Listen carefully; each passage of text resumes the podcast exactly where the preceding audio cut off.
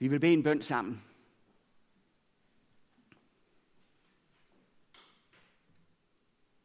Kære Gud i himlen, vi beder dig om, at du nu vil tale dit ord til os ved din hellige ånd, så vi netop må se, hvad du kræver, for at et menneske kan blive frelst. Og hjælp du os så til at følge den vej, du kalder til os gå, til at gå. Herre, det er vores bøn, det er vores længsel, det er vort liv. Amen. Så vil vi rejse os og høre evangeliet, som er fra netop Johannes kapitel 3 med Nikodemus.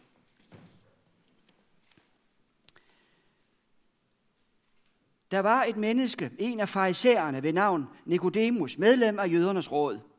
Han kom til Jesus om natten og sagde til ham, Rabbi, vi ved, du er en lærer, der er kommet fra Gud. For ingen kan gøre de tegn, du gør, uden at Gud er med ham. Jesus svarede ham, Sandelig, sandelig, siger jeg dig, den, der ikke bliver født på ny, kan ikke se Guds rige. Nikodemus sagde til ham, Hvordan kan det menneske fødes, når det er gammelt? Det kan der ikke for anden gang komme ind i sin mors liv og fødes. Jesus svarede, Sandelig, sandelig, siger jeg dig, den, der ikke bliver født af vand og ånd, kan ikke komme ind i Guds rige. Det, der er født af kødet, er kød, og det, der er født af ånden, er ånd. Du skal ikke undre dig over, at jeg sagde til dig, I må fødes på ny. Vinden blæser, hvorhen den vil, og du hører den suse, men du ved ikke, hvor den kommer fra, og hvor den farer hen. Sådan er det med enhver, som er født af ånden. Nikodemus spurgte ham, hvordan kan det gå til? Jesus svarede, du er lærer i Israel og forstår ikke det. Sandelig, sandelig, siger jeg dig. Vi taler om det, vi ved, og vi vidner om det, vi har set, men I tager ikke imod vort vidnesbyrd. Tror I ikke, når jeg har talt til jer om det jordiske, hvordan skal I så tro, når jeg taler til jer om det himmelske? Ingen er steget op til himlen, undtagen den, der steg ned fra himlen, menneskesønnen. Og lige så Moses ophøjes slangen i ørkenen, sådan skal menneskesønnen ophøjes, for at enhver, som tror, skal have evigt liv i ham. Amen.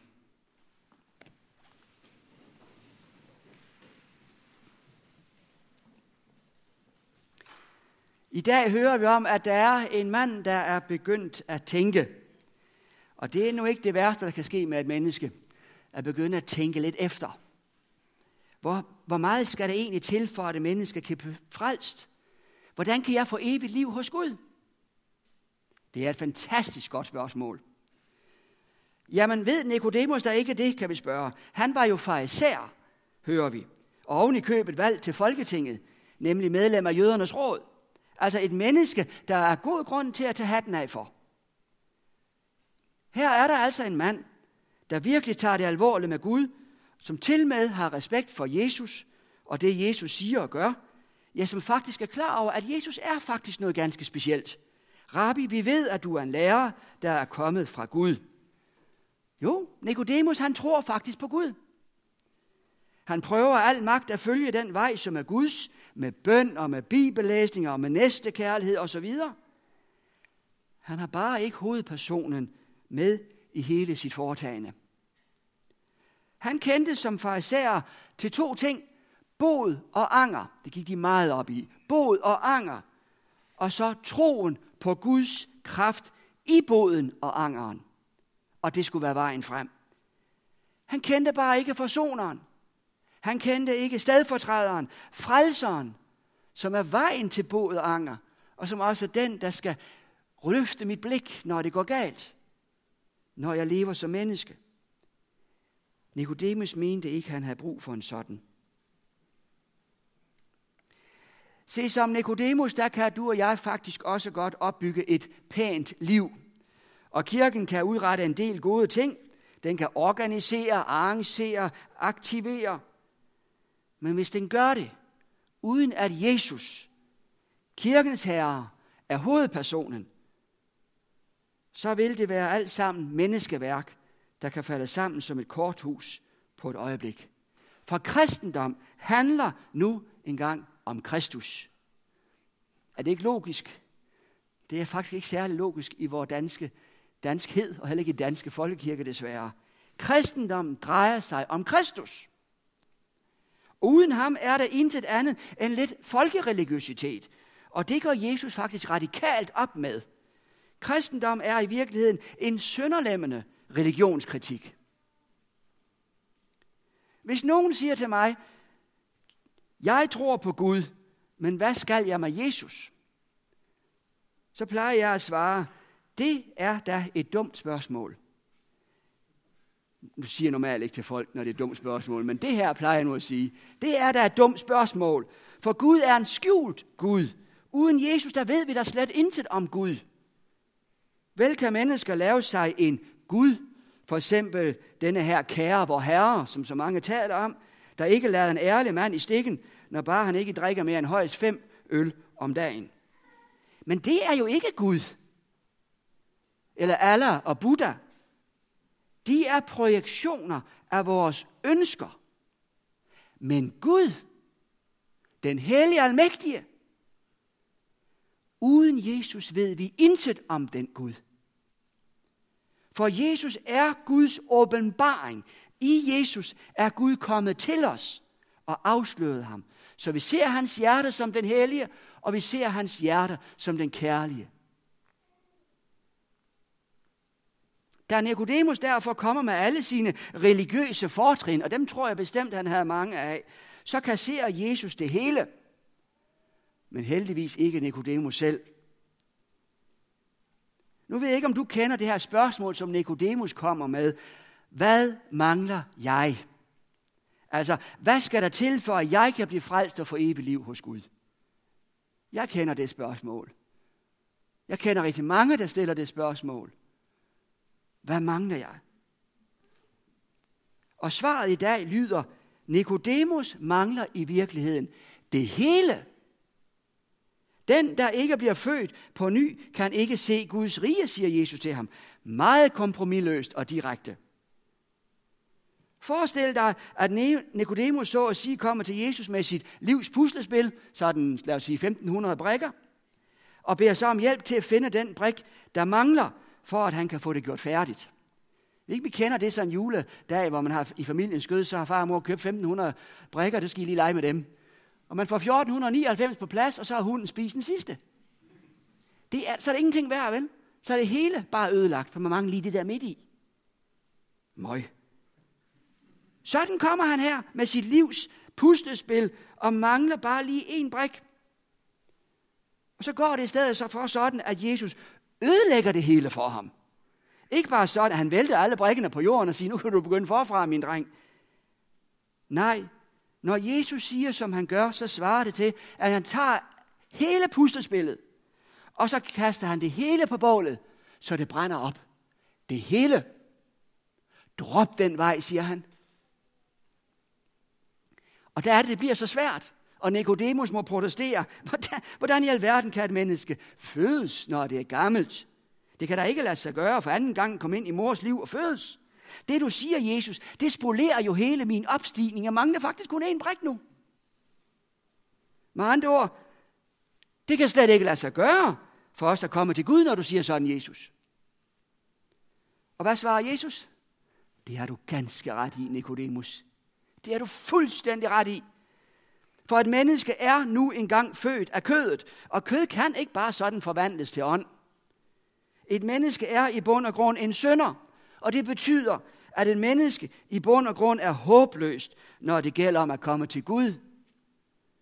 Det kan simpelthen ikke lade sig gøre at lægge sit livs puslespil på en sådan måde, at det hele går op. Det er og bliver en blind vej, siger han. Det er derfor farisæerne var efter ham. Og det kan slå klik for os, som det også gjorde for Nikodemus her, der render panden imod en mur, ansigt til ansigt med Guds krav, der altså er så høje, så intet menneske på denne jord kan leve op til dem. For jeg vil våge den påstand, at dybt ind i hjertet, der har vi det alle sammen sådan, at vi tror på, at det kan lade sig gøre. Jo, gang på gang ender jeg også der. Jeg tror på, at det kan lade sig gøre med Guds hjælp selvfølgelig og lidt håndkraft. Alt andet, det er jo så forfærdeligt ydmygende. Det er så håbløst at måtte kapitulere. Jesus, det kan du ikke mene, det kan ikke være rigtigt. Kan Gud da ikke hjælpe os med at finde de forskellige brækker i puslespillet? Men Jesus, Guds søn og kirkens herre og verdens frelser, siger til os, at sådan er det altså. Sådan er det i Guds øjne. Og det er det, der tæller. Hvorfor i alverden tror du ellers, Gud havde offret sin egen kære søn og ladet ham dø den frygtelige død på korset? Tror du ikke, han ellers har fundet på en lidt anden udvej, der var knap så pinefuld? Må ikke Gud selv bedre end nogen anden er klar over, hvad der skal til, for at en menneske kan blive frelst?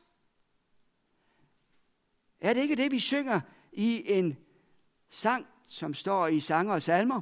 Der er liv i et blik. Jeg håber, I kender den. Så må I hjem og fundet den frem. Det er simpelthen bare en, man skal kunne, selvom den er rigtig gammel. Der er liv i et blik, og hvor der står i vers 2, hvorfor hang vel Guds søn der på Golgatas kors, hvis din dødsdom på Jesus ej faldt? Spørgsmålstegn. Hvorfor flød fra hans sår det uskyldige blod, hvis din syndeskyld ej blev betalt? Hvorfor i verden tror du, han gjorde det så? Hvis ikke det var nødvendigt. Nu hører vi lige for lidt siden den gamle beretning om Israels folk, der syndede imod Gud, fordi de var træt af manna-grød, manna-byggrød og manna-brød og manna, jeg, jeg ved snart ikke hvad, kage og det hele. Og så oplevede de, hvordan Gud sendte slanger til dem. Guds straf, som ramte dem på grund af deres synd og vrede mod Gud og mod Moses, Guds mand. Det var døden, som på denne måde blev uundgåelig for dem. Om de så nok så meget fortrød og lovede at leve et bedre liv, så hjalp det ikke det fjerneste. Det eneste, der hjalp jøderne dengang, det var den frelse, som kom til dem fra Gud selv. Da Moses bad til Herren, fik han at vide, at han skulle lave en slange af kover og anbringe den på en stang. Og vi kan tænke, det var dog en sjov tanke, men sådan havde Gud bestemt, det skulle være. Og så skulle det være sådan, at enhver slangebit, som rettede blikket hen imod slangen, skulle få lov at beholde livet. Det var deres eneste håb. Guds eget indgreb til frelse. Ikke at de skulle forbedre sig. Ikke at de skulle ofre en masse ting, og nu kunne lide øh, øh, mandagrød. Ikke at de skulle for, forsage alle livets goder. Men de skulle rette blikket det rette sted hen. Se, det er kristendom. At rette blikket det rette sted hen. Frelsen ligger ikke i vores anstrengelser og viljesbeslutninger og vellykkethed og mødedeltagelse, men den ligger i vores hørelse og den ligger i vores syn. At vi må høre og se i ordet, at fordi jeg er, som jeg er, så behøver jeg en Jesus og passer sammen med Jesus. Tænk på røveren på korset, der hang der. Han kunne ikke gå ned og gøre det godt igen. Jesus kunne ikke sige til ham, ja, ja, kom igen om 14 dage og se, om du virkelig mener det, du siger. Han var sømmet fast. Han kunne ikke engang folde sine hænder. Men i det øjeblik, han hørte og drejede blikket og så, der fik han livet. Gad vide, om ikke en del slangebitte mennesker ude i ørkenen tvivlede. Kan det nu passe det her? Koverslange, kom lige på en bedre idé, Gud. Kan det virkelig passe? Gad vide, om ikke en del slangebitte var anfægtet. Jeg har syndet, jeg fortjener det ikke. Jeg har været vred på Moses, mit mandebrød efter ham. Gad vide, om ikke en del slangebitte var så afkræftet af giften og døden nær, at de ikke magtede at flytte sig selv ud på Main Street, så de kunne se gennem af det hele. Men der var en ven, der hjalp dem ud på midtergangen og drejede deres ansigt og sagde, ti du lige stille, Peter, og prøv at kigge den vej. Se. For i det øjeblik blikket blev rettet mod koverslangen, Guds redning, der tilgav Gud og frelste. Det er derfor, der står i den sang, som jeg håber, I vil lære, uden at bandet vil spille en gang. Der er liv i et blik. Det er jo godt, dem jeg spillet indtil videre. Fint. Det er ikke det, er ikke det jeg mener. Der er liv i et blik på det blødende Guds lam. Der er frelse, o sønder, for dig. Vend dit øje mod korset i troen og bliv frelst. Se på ham, som her offrede sig. Og vers 4. O, så glæd dig, at frelseren åbner sin favn. Det har Gud dig i ordet tilsagt. Hans besluttede råd blev ved sønnen fuldført. Alt er gjort og forsoning fuldbragt. Se, se, se og lev. Der er liv i et blik på det blødende lam, der er frelse sønder for dig. Altså en korsfæstet og opstanden frelser. Det er lige, hvad du og jeg trænger til, sådan en søndag eftermiddag. Død for mig, det vil sige, mine sønner er ikke længere mine. Det er hans. Opstanden for mig, det vil sige, jeg har en levende frelser, og jeg skal leve med ham. For hver gang ordet ophøjet her i Johannes evangeliet bliver nævnt, så refererer det altid til Jesu død. Han er ophøjet, det betyder, at han er død for mig. Det er det, Paulus, øh, Johannes altid siger. Så Jesus er faktisk den eneste, der kan løse dit livs største problem. Og det er ikke din gallesten. Det er ikke din dårlige hofte. Det er heller ikke pigen eller fyren, du ikke kan få til at makke ret. Det er din skyld over for Gud. Det så Nikodemus. Derfor ved du og jeg nu, uden Jesus, så går jeg fortabt i Guds dom. Uden Jesus, så har jeg ingen fred i hjertet, uanset hvad jeg gør. Uden Jesus, så kan jeg ikke dø uden dødsangst. Uden Jesus, så går jeg til evig fordømmelse. Der findes en evig fordømmelse. Vent bare. Men når jeg står under Jesu kors, så er jeg beskyttet. Så må jeg vide, at han er min forsoner. Han er min frelser. Jesus er Guds frelsende kærlighed. Guds personificerede kærlighed, kan vi også sige. Derfor hør, Gud vil, at alle mennesker skal frelse, siger skriften. Derfor har han givet sin egen søn til frelse for dig, og må du aldrig få ro, før du har denne fred med Gud, før du er frelst. For også vi er slangebit af synden, og dermed er der intet håb for os i os selv. Vi kan ikke tage os selv i nakken og gøre noget ved det. Og kraften fra Gud, som en fariser tænkte på, den kan ikke forbedre os, så vi på den måde når målet. Nej, der er intet stof. Der er ikke byggemateriale i os til at rette op på det. Der må en ny fødsel til. En åndelig genfødsel. Og så frem du tror på Jesus, så bor Helligånden i dit hjerte. Så frem du tror på Jesus, så er du et Guds barn i dag. Så frem du tror på Jesus, så må du takke for, at du må være sammen med sønders ven.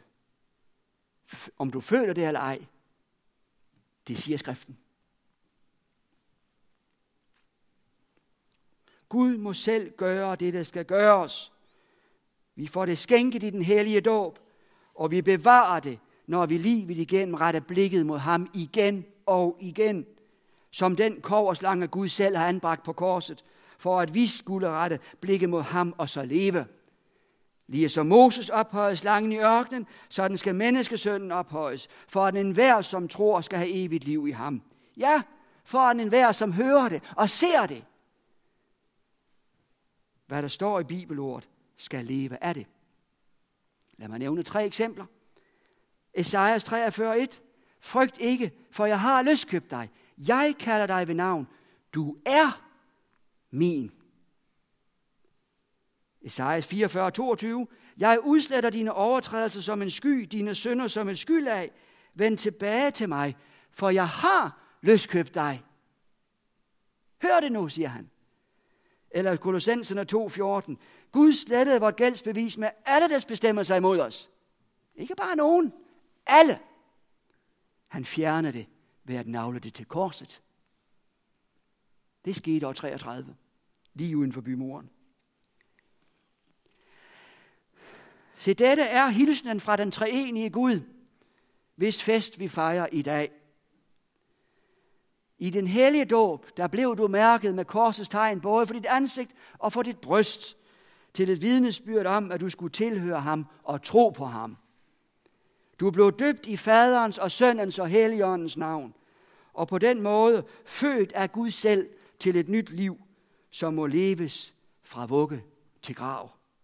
Ja, som strækker sig tværs hen over død og grav, nemlig det evige liv, hvor du tror ham, og du ønsker at leve med ham og holde hans bud.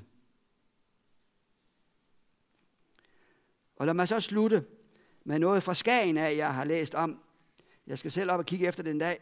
Hvis I kommer derop, så skal I gå ind på Skagen Kirkegård. Måske kan I finde et mindesmærke over den gave redningsmand Jens Larsen Kruse.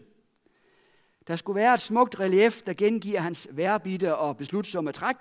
Sydvesten har han på, og han er klar til at tage sin tørn. Og så står der gode ord nedenunder på stenen der. Rigtig gode ord. Tre sætninger. Der står ydmyg i tale, kristen i gerning, mand i sin båd. Det synes jeg faktisk er et godt eftermæle at få. Ikke sådan noget åndelige fnid og fnader, mand i sin båd er med. Tænk om vi alle må få sådan et eftermæle, når vi skal herfra. Tænk om dem, vi, den vi er gift med, kan sige sådan noget om os, når vi herfra, skal herfra. Tænk om vores børn kan sige det om, om det lærte far mig, det lærte mor mig. Tænk om min nabo kan lave et eftermæle. Ydmyg i tale. Ja, for skønne er de mennesker, der ikke fører store ord. Der ved om sig selv, at der er ikke særlig meget prale af. Herre, alt er fra dig, derfor bør du lovprises for alt. Og så kristen i gerning.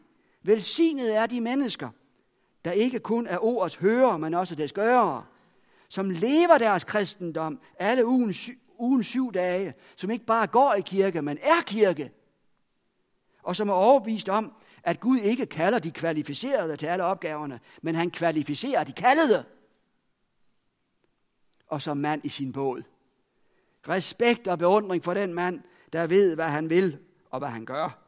Der uden frygt og med frimodighed ser farerne i øjnene og kun kender denne ene frygt at gøre sin Gud imod.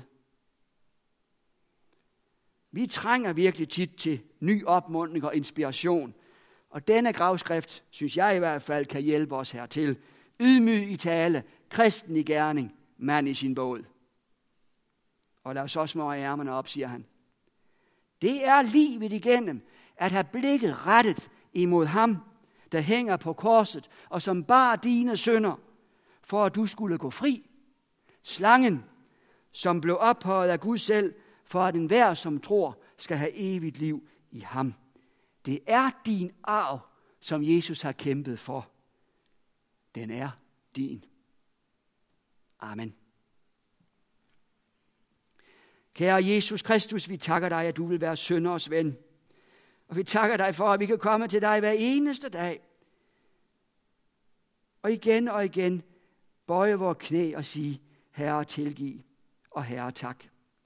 At vi hver morgen kan svinge benene ud af sengen og sige tak for din nåde og tilgivelse, som er ny hver eneste morgen. Hjælp mig at vandre i forberedte gerninger. Og jeg hver aften kan lægge mig til at sove med den bøn, Herre, tilgiv det, der gik galt. Men tak for, at der fortsat er noget, der hedder nåde og tilgivelse, også i mit liv. Herre, vil du velsigne Trinitatis tiden for os, denne trefoldighedstid, hvor vi får lov til at høre om alt det, der skete i den festlige del, hvad det betyder for det kristne liv med dig og med hinanden. Velsign også Aarhus Bykirke til at vandre med dig og til at være et lys for dig, så det må kendes på dem, at de er kendt af dig. Amen.